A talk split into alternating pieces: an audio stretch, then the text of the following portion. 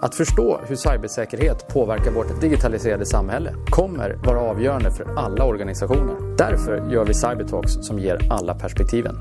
Jag heter Rolf Rosenvinge. Välkommen! Intel-drivna cyberprogram. I dagens avsnitt av Cybertalks träffar Rolf-Marie Brattberg, Chief Strategy Officer på Recorded Future. De diskuterar bland annat varför underrättelser är en viktig del i ett modernt cyberprogram, men också hur automation kan hjälpa till att skapa effekt. Hej och välkomna till ett nytt avsnitt av Cybertalks. Det är slutet av augusti, eh, slutet på sommaren men massa spännande saker framför oss. Eh, idag har jag en superspännande gäst med mig som Marie Brattberg från Recorded Future. Välkommen! Tack! Det här tycker jag känns super inspirerande att ha dig här. Din titel tror jag är Chief Strategy Officer. Det stämmer ja. Mm. Och det ska vi säkert också prata lite om vad, vad det faktiskt innebär. Mm. Eh, men för mig låter det som att vi har ett spännande samtal framför oss med både ett spännande bolag, en spännande roll och en, tror jag, spännande person. Men det ska bli spännande att få gräva ner sig lite mer i vad, vad du har för erfarenheter i vår bransch. Men kanske först för lyssnarens skull en, en, liksom, en, kort intro till, till dig. Hur hamnade du i den här rollen? Vad är din bakgrund lite grann? Absolut. Jag eh, kom från Uppsala från början och eh, pluggade systemvetare där. Ehm, och eh, kände väl ganska tidigt att den akademiska atmosfären som råder i en sån stad som Uppsala, framförallt också min föräldrageneration, jag identifierade mig inte riktigt med det. Man kan väl sammanfatta det som att det gick lite för långsamt kanske. Ehm, jag hittade ehm, systemvetarutbildningen där, eh, gick den och hamnade genom den, eller genom egentligen bekanta faktiskt, på ett internship i New York som skulle vara i sex månader. Det här var 2005. Ehm, och det var en startup då, tech startup, ett ord som jag kanske inte hade hört innan. Och sen eh, blev jag kvar i USA i drygt sex år på lite olika startups eh, och jag hade också mitt eget bolag där under några år i Silicon Valley. Um, och det var jättespännande år. Det var ju under, jag brukar kalla det för social media heydays. Vi, hade, vi delade kontor med Twitter och vi var på fredagsöl hos Facebook. Alla de här eh, stora bolagen som idag är jättevälkända naturligtvis. Um, och efter hela den resan sålde vi det där bolaget och i samband med det så träffade jag på Kristoffer Ahlberg då, som är VD och grundare av Record Future. Eh, sån här som man gör på en kaffe. Och då berättade han om sin nya idé för mig. Det var första gången jag kom i kontakt med Record Future och med hela den här domänen egentligen då, cyber. Spännande. Och um, jag blir ju givetvis nyfiken på också hur, och det tror jag många eh, är, som så hur, hur, var det att jobba eh, där borta? I USA eller i Silicon ja. Valley? Ja, i, i, Silicon Valley framförallt. Alltså det, det är nästan märkligt att tänka tillbaka på det. Det låter som att det är på låtsas nästan. För att det var ju sån, det var så otroligt mycket som hände då på alla, på alla olika nivåer. Dels bara på hur man, hur man valde att bygga sina produkter, alltså rent tekniskt. Amazon lanserade sin eh, cloud lösning 2007, S3. Så det året då när vi startade vårt bolag där, det var det året alla plötsligt startade allt i molnet istället för att gå ut och köpa maskiner och liksom bygga in dem i någon garderob. Så allt från det till eh, allting som hade att göra med, med social, med, med viral, med eh, um, go-to-market-strategierna helt enkelt.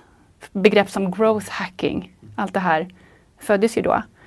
Um, och nu när jag tänker tillbaka på det så var det ju också födseln av många av de algoritmerna som aktörer idag har eh, weaponized. Alltså, ja, utnyttjar helt enkelt för att, för att eh, driva sina agendor genom influenskampanjer och så vidare. Eh, men sen var det ju bara supermaxat. Vi hade samma investerare som många av de här stora bolagen som, som jag nämnde och, och andra också. Så vi, man umgicks ju i det klientelet och är fortfarande kompis med dem idag, vilket också är väldigt speciellt. Um, ja. ja. men verkligen, och, och det är ju en um, kan jag tänka mig väldigt spännande erfarenhet att ha eh, såklart. Och eh, jag, menar, jag har också varit där borta någon gång och det är min bild i alla fall. En väldigt dynamisk miljö.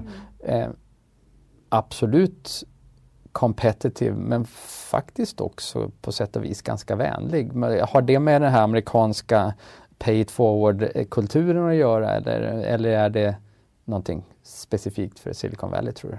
Nej, jag tror att det, har, att det ligger i den amerikanska kulturen. Sen tror jag också att man i Silicon Valley, man har nog sett eh, vinsten med just detta. Man pratar ju mycket om att alltså det är inte så svårt att komma på en idé, utan det är ju utförandet som är hela grejen. Så att sprida dina idéer, är, det är inte så farligt som man kanske först tror. Någon säger jag ska bygga ett Facebook, men det är inte alla som försöker göra det lyckas inte. Utan det handlar om exkriveringen då. Eh, och då är det mycket bättre att sprida sina idéer, få input från kompetenta människor med olika bakgrund ehm, och kanske göra en bättre eh, implementering då, av den här produkten. Det är väl ungefär så jag skulle beskriva det. Um, och vi pratade om det väldigt mycket just då faktiskt. Som min, mitt grundarteam var ju svenskar, så vi fick ofta sådana frågor från journalister, hur det är annorlunda. Och det var det som vi pratade mest om på den tiden. Men du, eh, idag är du på Record the Future, mm. eh, har varit det ganska länge, eh, ledande roll där. Men jag tror att alla i alla fall de flesta tror jag känner till Recorded Future men kanske ändå en, en liten introduktion också. Eh, för ni gör någonting ganska spännande tycker jag. Ja, det tycker jag också. Eh, men vi är ju ett intelligence-företag. Eh, cyber intelligence kanske man kan säga. Eh, så det, som vi, det är vår produkt som vi säljer, så vi är ett produktbolag. Eh, och det är vår stora, ett SaaS-bolag kan man också säga. Det är vår stora eh, produkt. Eh, men sen har vi ju också ett team med analytiker ehm, på on-staff, som man säger. Ganska stort team som också sitter och gör eh, analys då, på lite mer strategisk nivå. Ehm, så vi har en, en plattform, en intelligence-plattform, eh, som våra kunder licensierar. Och eh, konsumenten då av vår produkt kan ju vara antingen en människa eller en maskin beroende på var i, i arbetsflödet som man pluggar in vår produkt. Du kanske kan berätta lite om också liksom var, var idén till Recorded Future föddes. Absolut. För de lyssnarna som har varit med ett tag så har jag ju faktiskt haft Kristoffer som Ahlberg, grundaren, i ett av de allra första avsnitten av Cybertalks. Jag tror att vi pratade lite om det också men det är, det är ett tag sedan nu. Um, och det har säkert tillkommit en hel del lyssnare sedan, sedan dess. Men um, en av de sakerna som jag tyckte var spännande det är ju lite grann att jag tror att jag har hört honom uttrycka ungefär så här att everything ends up on the internet och det var kanske någonting som ni kom på faktiskt före en, ganska många andra och det är egentligen en hel, ganska viktig komponent i varför Call of Future kom till och vad, det, what, what it is all about. Verkligen, och jag kan gå tillbaka då till den här kaffen som jag drack då med Kristoffer 2009. För då började han ju berätta om Recorded Future. Han hade i princip en någon liten laptop under armen där och skulle till någon finansiell institution på Wall Street, det här var på Wall Street. Eh, och han började berätta om Recorded Future och det han, en av de första sakerna han sa var ju att eftersom internet håller på att bli en reflektion av världen så betyder det att om jag kan samla in hela internet och strukturera det för analys så kan jag i princip förutspå framtiden. Nu paraphrasing, men han sa någonting sånt då.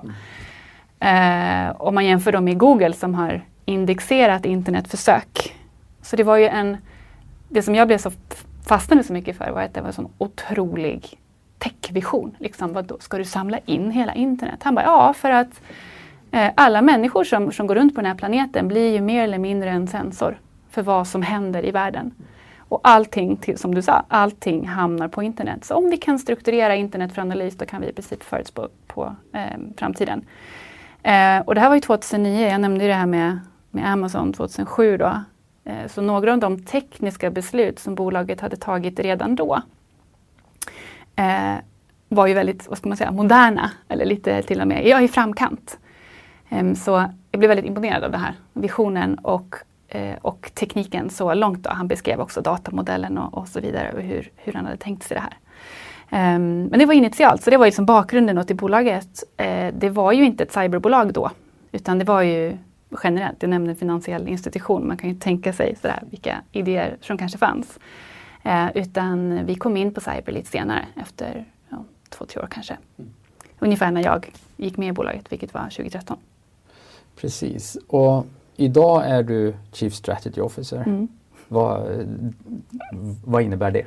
Vad, vad, vad, gör man i den rollen på ett sådant bolag? Ja, absolut. Först kan man säga att det är en ganska stor, eh, ett stort skift för mig i karriären. Jag jobbade mycket med produktutveckling innan då. Um, men jag tog den här rollen för ungefär ett och ett halvt år sedan och jag brukar säga att man kan dela in den i kanske tre delar. Den första handlar ju om att sätta vår strategi som bolag. Och det, då är det ju, ja, man får förstå hur marknaden ser ut, man får förstå hur, Eh, vad kunderna har för problem, eh, vilka techtrender som råder, vilka typer av partners är det som vi förmodligen kommer att vilja jobba med och så vidare. och så vidare. En sån typ av marknadsanalys. Um, och sen vad vi har för typer av um, capabilities då i vår produkt. Hur matchar vi det här på bästa sätt? Så sätta en strategi helt enkelt för bolaget, um, ehm, corporate strategy. den andra delen handlar ju naturligtvis om de här interna delarna. Okej, nu när vi har en strategi, hur ska vi se till att folk exkriverar på den här strategin så att vi faktiskt når den? Och det ingår också i mitt jobb. Ehm, och det, så är det ju inte på alla ställen. Det har mycket att göra med vår storlek tror jag. Vi befinner oss i den liksom, storleken storleksordningen just nu. Då. Uh, och sen handlar det om att uh, sprida budskapet också till stor del och inhämta uh, input från alla möjliga människor runt om i, i våran värld. Um, håller de med om den här strategin? Är den rätt? Är den, behöver vi göra någonting annorlunda? Så samla input hela tiden till den genom konversationer, samtal och så vidare. De tre delarna är tongivande om man då liksom därifrån försöker cirkla in till vad är det, vad är det egentligen som, som värdet av intelligence för en CISO när man kommer till det. Jag, menar, jag sitter i många den typen av diskussioner med CISOs och om jag ska göra en generalisering om var många befinner sig tror jag så, så har man ju historiskt sett eh, jobbat med vad man har. Mm. Eh, och många och det är inte bara i Sverige utan globalt har man ju egentligen valt en standard som man, mm. mm. som man har hyst någon form av känslor för. Det kan vara ISO, det kan vara NIST, det kan vara en massa andra saker. Ja. Eh, och sen så har man liksom börjat jobba med det. Och en fundamental eh, liksom komponent i det kanske mer traditionella arbetssättet har ju varit att man, man lägger väldigt mycket trust implied i den standarden. Ja. Att de har valt ut rätt saker ja. för oss att, att jobba med. Um, och jag tror att många känner, och jag kan ju bara gå till, tillbaks till min egen erfarenhet som CISO, att det var nog också så vi jobbade. Försökte lägga på en hotdimension och sådär men pretty much så var det ju fortfarande så vi, vi jobbade. Och så har man gjort det samtidigt som strålkastarljuset från ledningarna har kommit på såklart drivet av vad som händer i omvärlden och otroligt mer högprofilattacker som också blivit mediala. Det mm. betyder inte att de kanske inte hände förut men de har blivit mycket mer mediala. Mm. Och det har ökat, skulle jag vilja påstå, trycket på CISON som, mm. som roll på ett helt annat sätt. Mm. Så nu står man där, i många fall med ledningens öra, mm. med fler attacker i media, den egna organisationen också mer utsatt. Ja. Och man har jobbat systematiskt många gånger utifrån en standard men ändå upptäcker man att man är sårbar. Ja. Och det är väl där någonstans, tänker jag, liksom hela den här the rise of intelligence driven eh, cyber kommer ifrån. Ja. Är det en fair sammanfattning? Ja, det tycker jag man kan säga. Eh, och trenderna, är, trenderna är ju knappast positiva, eller i, i vår bemärkelse då, kan man ju inte säga direkt. Um, alltså när det gäller då hur vi, hur vi närmar oss det här problemet så, är ju, så menar vi att intelligence har ju en plats i hela organisationen. CISON är ju, man kan väl säga på toppen då. Men intelligence har ju en plats i hela organisationen. Eh, och det ultimata handlar ju hela tiden om att i varje eh, use case du har, om det är långt ner i det operationella eller om det är högt upp på högre strategisk nivå, eh, Eh, att du ska kunna bli mer proaktiv i ditt säkerhetsarbete. Det är liksom den övergripande idén för oss som vi ser det. Ehm, vi brukar prata om the intelligence gap ibland. Eh, och ett sätt att lyfta blickar är ju att nämna summor, pengar och summor. Jag tror att det ligger på runt 200-250 miljarder dollar som vi investerar globalt i säkerhet varje år, eller cybersäkerhet. Eh, men det mesta av det går ju in i teknologier som är i sin natur reaktiva. Alltså som man jobbar med att hitta vad är det som händer på det egna nätverket. Vad är det som har hänt? Vad är det som kommer emot mig? Vad är det som liksom kommer till mina endpoints och så vidare. Eh, och det enda vi kan säga är att de investeringarna inte riktigt har inte hjälpt. Vi blir, vi blir inte bättre, vi blir inte mindre utsatta och så vidare. Så vi, vi ser ett, ett gap här då som intelligence faktiskt kan fylla. Och då handlar det om i hela den här värdekedjan att eh, skjuta in, kanske är fel ord, men få in intelligence eh, i det specifika flödet som en slags enrichment då, det är väl ett bra ord att använda. Mm. Så hela vägen från dina, dina, ditt SIM eller SOAR-system till exempel då, eh, hela vägen upp till de strategiska eh, affärsbesluten som du ska göra för ditt bolag. För det är det det handlar om i slutändan, eh, tänker jag, när man ser eller när man är en CISO då, din roll är ju att kunna jobba tillsammans med ledningen för att man ska kunna ta de här eh, affärsbesluten. Det är egentligen det man vill göra. Man vill ju kunna säga ja istället för nej. Eller i alla fall säga ja men. Och så presentera, här är riskerna. Um, och som vi ser på världen så, så räcker det inte. Du måste göra det också. Du måste liksom följa standarder och du måste liksom följa de här regelverken. Det är lite mer housekeeping. Eh, men för att verkligen förstå vad som händer och verkligen förstå vad det är som kommer emot dig du lever i ovissheten hela tiden. Vad är det som händer? Är det någon som är på jakt efter mig? Eller är det någon i min industri som är på jakt efter sådana som mig? Och så vidare. Utan tillgång till den typen av intelligens i ett format som du snabbt kan konsumera så är du ganska blind. Och du har ganska svårt att svara på de här frågorna som, som din ledning ställer till dig och förväntar sig att du ska kunna svara på. Det duger kanske inte att visa de här modellerna som du nämnde och säga det ser ganska bra ut. Eh, utan du behöver, du behöver få förståelsen av hela hotlandskapet. Och för mig är det här faktiskt, alltså, jag tror, jag har nog kanske börjat ha varit med så länge så att jag inte riktigt tror på en silver bullet. Eh, men, men jag tror faktiskt att det här är en av våra bästa opportunities ja. att fånga. Mm. Om vi tänker på oss som liksom CISO-communityn. Att, att, att verkligen göra. Sen är det, sen är det ju Liksom, det, det, det, är lätt att prata om det, det, det är, och det är tillbaka egentligen där du var förut också, så alla kan ha en bra idé men det är exekveringen that matters. Mm. Men, och, och, och, det är ju så, för att jag har ju eh, jag har ju också försökt göra det eh, mm. och jag tror att jag har gjort det med någorlunda resultat. Det har du garanterat. Mm. Eh, men det är också ganska svårt då, eh, att, att verk, verkligen bli intelligence driven. Framförallt därför att det inte är binärt. Du går inte från att inte vara till att vara det helt ut utan det är ju en learning curve. Det tar tid att bli duktig på det här. Och, och den tror jag den, den är viktig att prata om. Mm. Det, man måste bestämma sig men sen blir du det inte imorgon. Eh, utan det är en uppbyggnadsfas. Och jag tycker du nämner någonting viktigt att det handlar ju också om egentligen att bli i slutändan intelligence-driven på alla nivåerna. Det, men där tycker jag också att ni har en ganska spännande approach och det kanske du kan också berätta lite mer om. att Å ena sidan, du nämnde lite förbigående era analytiker, mm. Insikt Group. Mm. Eh, och sen vet jag, efter att ha pratat med er lite olika sammanhang, att ni också liksom driver en ganska tydlig automationsagenda. Och är det, är, det, är det så man faktiskt exekverar på den här idén kring intelligence driven? Så att för det där strategiska beslutsstödet, ja men då kräver det kanske ganska djup analytisk insikt och kunskap och produkter. Men för det mer operationella så är det automation ja. som är grejen. Absolut, i allra högsta grad. Och det här hänger ihop med någonting annat som är tongivande i vår industri och det är ju avsaknad av, av eh, kompetens. Alltså det, det, finns ju helt enkelt inte tillräckligt mycket kompetens att anställa. Det är jättebrist.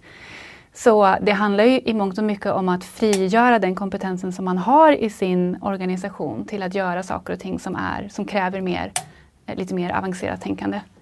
Vi brukar ju prata om att vi vill automatisera så mycket som det bara går, kan man sammanfatta det som, på det operationella och sen vill vi göra de analytikerna man faktiskt har till Eh, kentaurer. Alltså en maskin och en människa som jobbar tillsammans på en mycket högre kapacitet. Och det är ganska det är viktigt tycker jag, för det handlar inte om att vi vill ta bort människor och göra dem arbetslösa. Utan det handlar om att vi har ett hot som är så enormt stort att klarar man inte av att automatisera så kommer man heller inte att kunna skydda sig eh, på lägsta nivå där.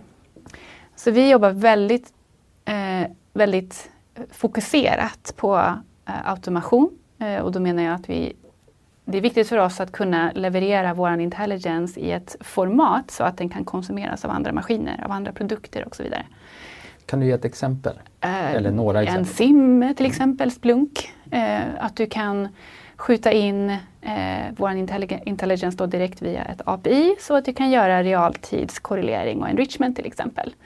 Ett enkelt use case man kan tänka sig där är ju du har en, en anomali på ditt nätverk, det är något IP-nummer som ligger och ringer ut, det borde inte vara så, du får ett sådant alarm. Och beroende på storlek i bolaget, hur många får du?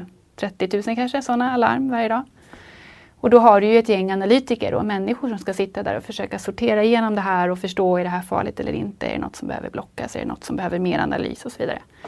Eh, om, vi kan, om vi i det steget redan där kan göra en enrichment per automatik och berätta för Splunk att det här är en aktiv C2-nod, då behöver vi ingen analytiker. Då vet vi vad nästa steg är. Då blockar vi det bara.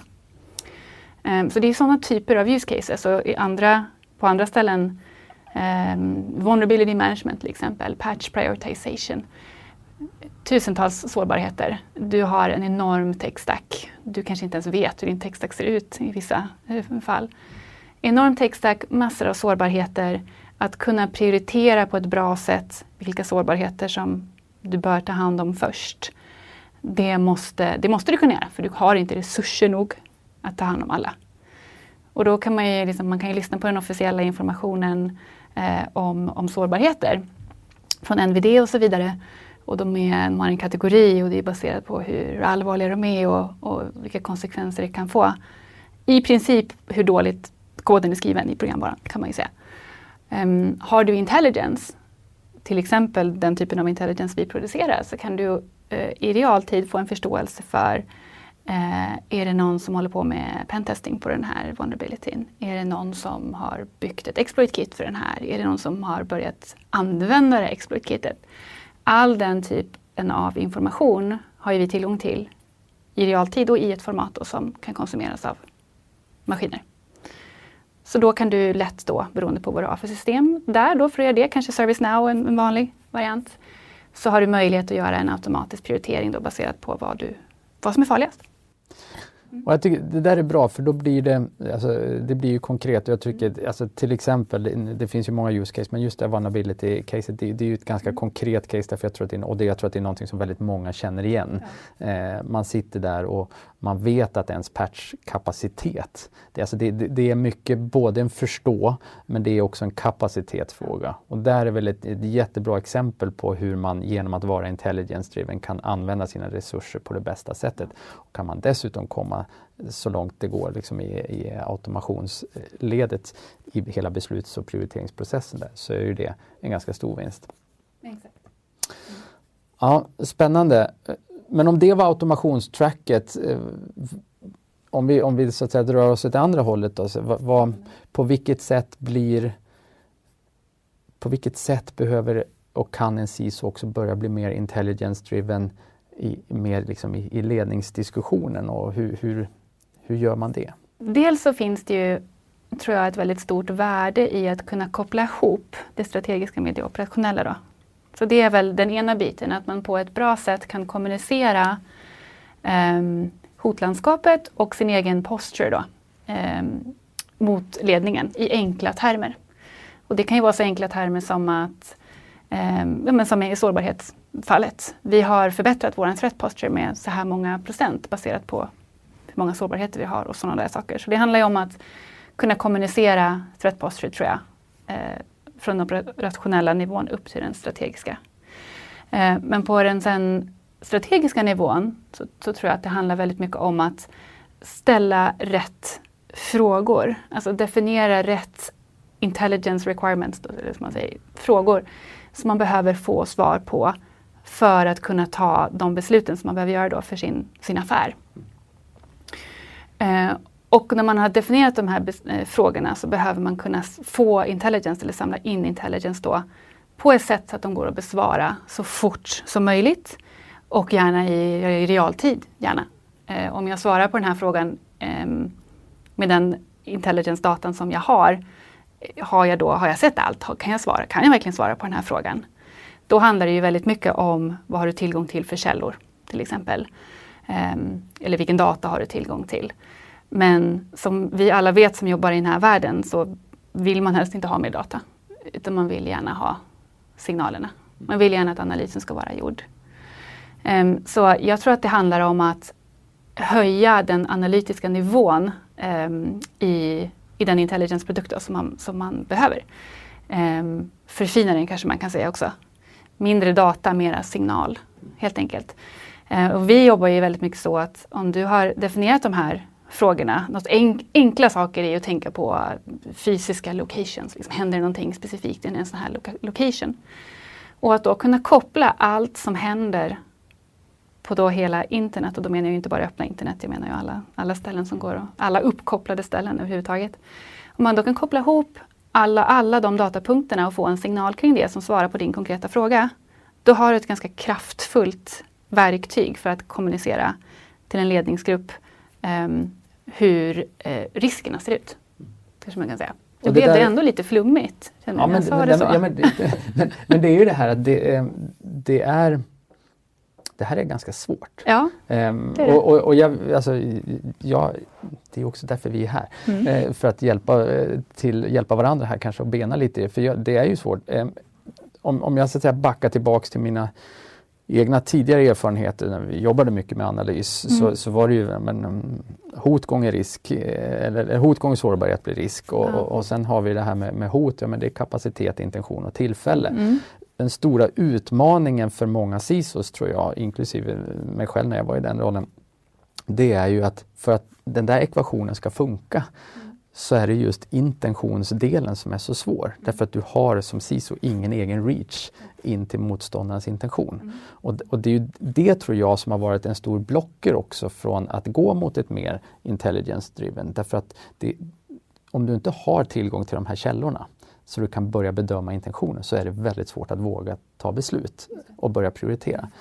Men det är ju det jag tycker är spännande med till exempel vad ni gör, att ni ger ju faktiskt en, en, en avenue in till att kunna börja titta på det här att, för, att kunna förutsäga när intentionen faktiskt inträffar. Ja. Det är, ur mitt perspektiv det är det som är den stora opportunityn mm. också med att, att röra sig åt det här hållet. Nej, men det är helt och hållet riktigt och man kan ju ta den här gamla analogin då att det bästa sättet att veta eller att förstå att risken för inbrott i huset är förhöjd, det är att grannen har ett inbrott.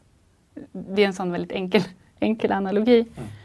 Om vi kan ha koll då, vilket du säger, alltså vi, kan ju, vi kan ju i praktiken hålla koll på cyberattacker som händer i realtid. Hela vägen från vem eh, aktören är, genom vilken infrastruktur de använder och vem som är utsatt. Då. Hela den här kedjan kan vi hålla koll på tack vare våran eh, Intelligence Graph, då, som är datamodellen som ligger under den här plattformen. Um, och där är det ju, eftersom vi kan det så är det ju inom citationstecken lätt att få en förståelse. Vem är utsatt för vissa typer av attacker just nu? Och då kan det ligga nära till hands att säga vilka i min domän, om jag till exempel är en storbank, vilka andra storbanker är utsatta? Vem är aktören? Var har de, varför gör de det här? Eh, och vad använder de för tekniker? Och hur sårbara är vi för de här, eh, eller de här teknikerna då, som de använder? Och den historien, kan man berätta den historien på ett väldigt tydligt sätt, då blir det väldigt kraftfullt. Och då kan man ju dra den andra analogin. Liksom. Det räcker ju, det räcker, så länge man inte är den långsammaste simmaren så, så blir man inte uppäten av hajen. Det är lite så det funkar faktiskt. Um, och det börjar väl gemene man nu också förstå att en, en aktör är ju sällan på jakt efter en specifikt target, utan det är, man skjuter ju brett och så, och så tar det. Liksom. Ganska opportunistiskt. Ganska opportunistiskt, ja, Så precis. länge vi pratar liksom ransomware och de bitarna, ja. är det, är ja, det theft of intellectual property så, så är det en annan femma. Det är en annan femma. Såklart. Ja, men, men, nej, men du har ju, jag tror att du, du har helt rätt och det just det där och det är ju det som också varit svårt tror jag för många CISO kring det här intentionsbedömningar därför att det är ju ganska opportunistiskt. Mm. Så det han, men, men just genom det du säger, att faktiskt förstå vad händer, alltså vad är andra utsatta för, vad händer just nu, vilka samtal pågår mm. på några av de här forumen och så, Att kunna börja någonstans säga så här, är det här någonting som kan träffa oss? Om man då dessutom lägger på sårbarhetsdimensionen okej, okay, vi vet att de använder de här teknikerna, vi vet att det finns en begynnande diskussion och vi vet att vi har de här sårbarheterna där det finns exploit kit redo för som börjar användas på andra. Precis. Och så vidare. Det är då man har blivit intelligence-driven. Och då, där beskrev du också kraften i att vara intelligence-driven över hela organisationen. För då kan du koppla ihop det på ett effektivt sätt. Som Så, sagt. Du beskriver vår vision där på ett ganska bra sätt. Vad bra. Nej men det är alltså som sagt, jag, alltså silver bullets kanske inte finns men jag, jag tror på riktigt att här, här finns några av, av, av eh, så nära vi kanske kan komma. Det, vi, det att vara CISO idag skulle jag påstå är det är ett oerhört komplext jobb Ja, det och, det, och, det gäller, och det gäller att ringa in de här som faktiskt kan hjälpa oss att, eh, att bli bättre. Jag tycker att det här är en spännande diskussion. Men du, när jag också har det här så är jag ju såklart nyfiken för jag tänker ju att med det ni gör och med det ni ser Mm. så måste ju du vara en av de bästa att fråga också. Så vilka, vilka trender, vad, vad, vilka spaningar gör du? Vart är vi på väg och, och, och, och vad, vad borde vi ha ögonen Ja. på som vi ännu inte riktigt har fullt tagit ombord? Nej, men att, när man får den där frågan, du får säkert den jätteofta också. Det är svårt att inte liksom måla fan på väggen. Om man säger så. Det är svårt att, tycker jag, ibland att vara positiv faktiskt. Så jag är väldigt glad att vi håller på med just intelligence. För precis som du säger, det finns ingen silver bullet eftersom aktören alltid har the upper hand. Eh, men med intelligence så har vi i alla fall en möjlighet att möta de trender som vi ser. Ehm, och det, jag ser det från, pratar trender, det är från två håll egentligen då. Alltså hur, vad är det för tekniktrender vi har? Eftersom det är så kopplat just till cyberhotet. Och sen vad har vi för trender på aktörssidan? Um, och på tekniksidan så ja, covid kan man väl egentligen inte beskriva som något annat än, än en jättekatalysator av, av eh, förflyttningar som redan skedde innan. Eh, framförallt digitaliseringen. Och eh, alltså det är väldigt få processer i våran vardag idag, i våra businessprocesser som inte är digitaliserade. Det är i princip allt. Ehm, så man kan ju säga att allting blir, allting blir uppkopplat i en ganska snabb takt. Så alla våra processer, jag nämnde dem, men också eh, eh, saker som aldrig borde vara uppkopplade, hårda saker, alltså eh, sjukhusequipment, eh, eh, gasledningar, eh, sådana här saker. Så eh, ytorna, attackytorna, ökar ju exponentiellt. Så det är den ena saken då. Um, och sen den andra är ju de, de här aktörerna som blir allt fler och allt mer sofistikerade. Um, och jag tycker själv att det är viktigare kanske att fokusera på de som blir fler. De sofistikerade blir allt mer sofistikerade men jag, jag tycker att fastnar man i det så missar man så mycket annat. Man måste, man måste hålla koll på det också. Men det här som växer så otroligt snabbt i sidled och det är framförallt ransomware och ransomware as a service.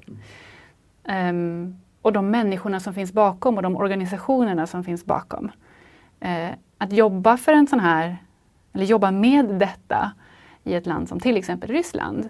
Det är ju att likna vid ett vanligt jobb. Du har ett kontor du går till, du har, kanske inte nu då, men du har ett kontor, du har liksom en arbetsplats, du kanske har tjänstebil, sjukförsäkring, lön. Men du, men du jobbar för en, en kriminell liga. Eh, och det är en konsekvens av saker som arbetslöshet. Ehm, I de här länderna, framförallt och kanske i Ryssland, så det är otroligt bra universitet välutbildat folk som, som sen inte har någon möjlighet att skaffa sig ett jobb. Så man gör det här istället. Så det är, liksom, det är kompetenta människor som gör det här. Ehm, man har hittat en modell i ransomware som är otroligt lätt att hålla på med, otroligt lukrativt, man åker inte fast. Det är liksom väldigt enkelt. Och då utvecklingen av det, eller nästa steg som ransomware as a service är då, att man dessutom kan licensiera ut den här produkten till andra, liksom ett slags agentsystem så att du kan skala upp den här modellen också. Det, liksom alla andra trender på något vis bleknar just nu lite grann mot det här. Och jag ser egentligen ingen direkt förbättring utom möjligen, jag vet inte vad du säger om det här, men utom möjligen det då som händer med på politisk nivå. För det är också väldigt intressant hur allt det liksom blivit politisk nivå på allra högsta nivå. När Biden träffar Putin för att prata om de här sakerna. Eh, så um, det, är så, det, är de här, det är de här trenderna jag ser i alla fall de absolut viktigaste. Men Ökade- låter, ja. det, det, det, låter som två saker som jag plockar upp. Det Mm. ena, och rätta mig om jag har fel, så låter det som att du tror att det blir, kommer bli värre innan det blir bättre. Ja, jag måste tyvärr säga det. Ja, men på längre perspektiv ändå säga så kommer det bli bättre. Och sen undrar jag om du var inne på någonting viktigt här på slutet. Eh, Kommer vi, är vi på väg mot en tydligare rollfördelning i samhället där apropå, du nämnde här att eh, Biden åker och träffar Mm. Putin och tar upp det här liksom top-down. Är vi på väg mot en, en tydligare rollfördelning i våra västerländska samhällen där företag och organisationers roll mer är att play defense och staters roll blir att play offense för att någonstans öka kosten av eh, eller öka risken för, för angriparen. Intressant. Jag har faktiskt inte, jag har inte tänkt på det så. Men ja, när du säger det så kanske det är det det handlar om. Och att det måste upp på en sån här hög, hög nivå. För att vi har ju även problemet med kompetensförsörjning i liksom nivån som sätter lagar, regler, policies och så vidare. Eh, att det kommer aldrig vara lika effektivt som saker som ekonomiska sanktioner då, som vi egentligen pratar om här. Jätteintressant spaning. Ja, svarar jag på det. Så kan jag nog också se det. Ja. Ja. Ja. Det, det är ju ett, eh, alltså jag tycker att det här, är, eh, och det tror jag lyssnarna har mm, förstått för det här laget, någonting som jag tycker är spännande. Eh, Men tiden går också faktiskt jättefort. Eh, Vi brukar alltid avrunda med att ställa lite frågor kring vad man har, förutom det här med trender och spaning också, om man har med sig något lite mer konkret tips på någonting som har informerat eller inspirerat. Och jag är ju såklart också nyfiken på vad du har med dig. Ja. Nej, men jag är ju, jag vill, jag vill ändå nämna en intern eh, källa här. Och det är ju, vi har en blogg som heter The Record och eh, finns även en podcast till den.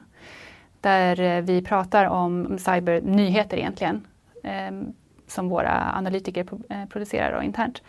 Men som också är en, eh, en journalistisk publikation där vi gör grävande reportage på alla de här sakerna som vi har pratat om nu.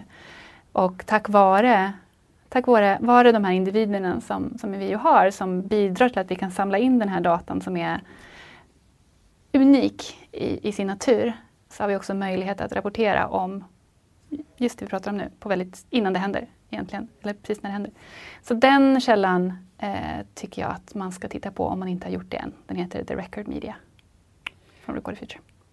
Och den är faktiskt spännande. Jag tycker det är ett ganska intressant grepp ni har tagit. Eh, Jag tror att ni faktiskt är först ut med- Ja. med det också. Ja, i våran kanske jag ska säga. jag. Mm. Eh, Med just att, för det är journalister också. Mm. Som, Absolut. Som, alltså som produ- alltså det, eh, inom citationstecken är svårt att visa i en podd, men, Ja. det här, men producera riktiga Absolut. nyheter. Ja. Det, det är inte, det är inte men det bara är- liksom corporate messaging utan det är nyheter. Det är nyheter, det är till och med breaking news. Mm. Så eh, outlets, media outlets som eh, Reuters och så vidare använder ju oss som källor när de publicerar sina nyheter. Även andra stora publikationer som New York Times och Wall Street Journal och så vidare. Så i allra högsta grad eh, journalister. Roligt. Och om vi var inne på det tidigare, det här hur man, hur man att bli intelligence driven är inget som händer över en natt bara för att man har bestämt sig. Men det kan ju faktiskt vara ett bra sätt, att, eh, ganska handfast och konkret sätt att börja. Jag följer och eh, läser mycket spännande saker där. Så Ja, att, eh, det är absolut. Det är ett bra tips tycker jag. Roligt. Ehm, Det var en eh, introduktion mer konkret till diskussionen kring att bli intelligence-driven. Ehm, Marie Brattberg, Chief Strategy Officer på Record Future. Tack Podden för att är du ett var med. Tack så samarbete mycket. mellan Cyber Och Insights och alla lyssnare, Cyber Defense. till next time. Och spelas in och klipps på Media.